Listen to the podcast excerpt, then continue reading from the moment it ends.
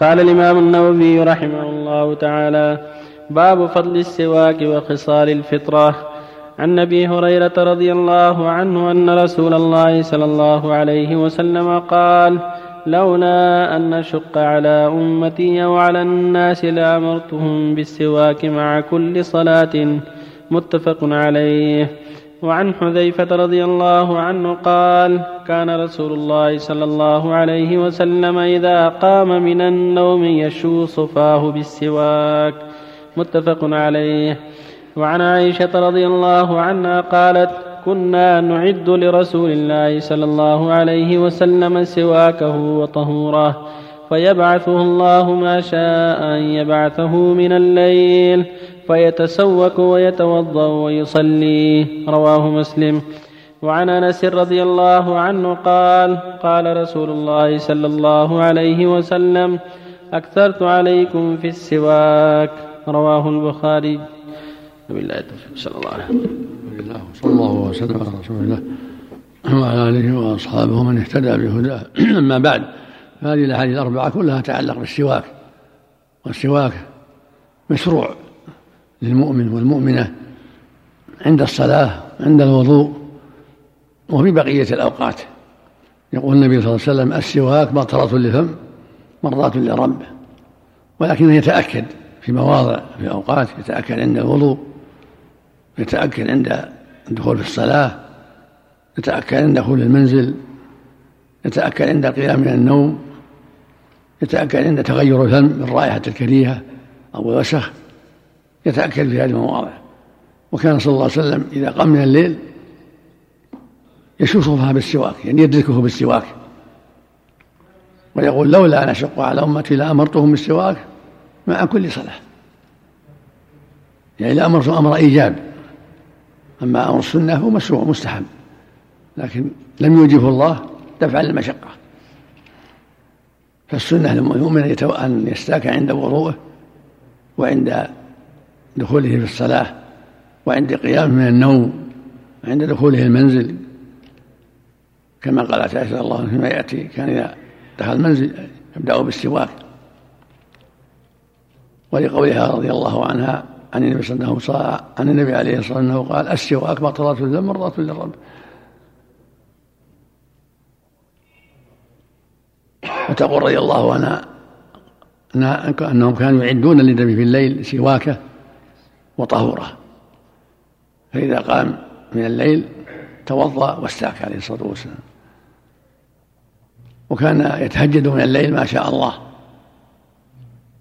وكان ربما تهجد في أول الليل ربما تهجد في آخره ربما تهجد في وسطه لكن استقر تهجده أخيرا في آخر الليل.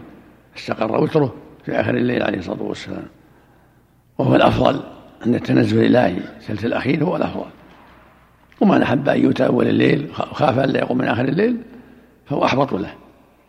أما من يثق بالقيام ويرى أنه إن شاء الله قوي على القيام فإن السنة هو الأفضل آخر الليل. وجاء في حديث جابر رضي الله عنه يقول صلى الله عليه وسلم من خاف أن لا يقوم من آخر الليل فليوتر أوله. ومن طمع أن يقوم آخر الليل فليوتر آخر الليل. فإن صلاة آخر الليل مشهودة وذلك أفضل. وفي حديث انس يقول صلى الله عليه الصلاة والسلام أكثرت عليكم في السواك.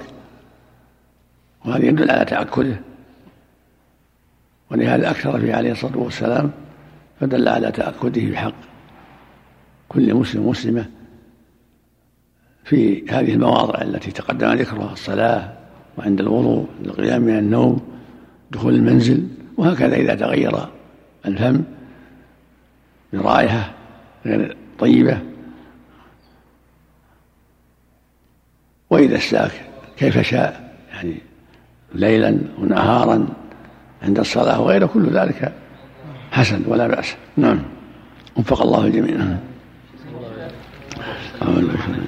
قوله أكثر عليه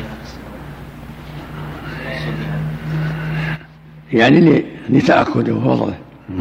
الله لا اله الا هذه الأحاديث تكون السواك للوجوب يا شيخ؟ لا مستحب ولهذا قال لولا أن اشرك لا أمرتهم. جعله الله مستحبا لا. مستحب. نعم. بالنسبة للسواك أيضا هل هناك يفضل مثلا عود على عود؟ الأراك أفضل. أفضلها الأراك الطيب الأراك الأراك المناسب اللي ما يتفتت نعم. وإذا تسوق بعود آخر يتشعث ويحصل به النقاء فلا بأس. أيضا يا شيخ بالنسبة الآن آه بعض الأطباء صنعوا معجون يقولون من نفس المادة الذي حق الأراك في مثل هذه الحالة هل يقوم بمقام السواك أم لا؟ لا لا المعجون يكلف ويؤذي. المعجون يعني يحتاج كلفة نعم. والسواك ما يحتاج كلفة إلا إذا احتاج المعجون في في بعض الأحيان من باب غسل الفم نعم. في وقت آخر غير وقت الصلاة. هذا لا بأس. أما وقت الصلاة سنة السواك بس فقط. السواك بعض طلبة العلم يتحرج من قول الإمام النووي لأن الإمام هو الذي اقتدى به. فهل فهل شو اسمه؟ لا. النووي لا بأس له له له أغلاط سمى إمام لأنه يقتدى في علمه وفضله وفقهه وله أغلاط. الله يعفو عنا وعنه ما في حرج. له أغلاط وكم قل إمام إلا وله أغلاط. آمين كل بني آدم خطأ.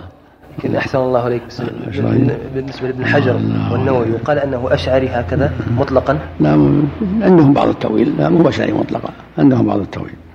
الله لا يا الله. عندهم بعض الأخطاء يعني. نعم. في أن النبي صلى الله عليه وسلم. كان يستاك في رمضان. صحيح؟ نعم. الحديث. في استياك النبي صلى الله عليه وسلم في رمضان. في حديث عامر بن ربيعة رأيت النبي يستاك ما لا أحصيه وهو صائم. لكن لا أعرف حال سنده الآن يحتاج إلى مراجعة السند لكن قول صلى الله عليه وسلم مع كل وضوء يكفي. يعم رمضان وغيره ويعم الصائم وغير الصائم. مع كل وضوء مع كل صلاة يعم الظهر والعصر في حق الصائم وغيره.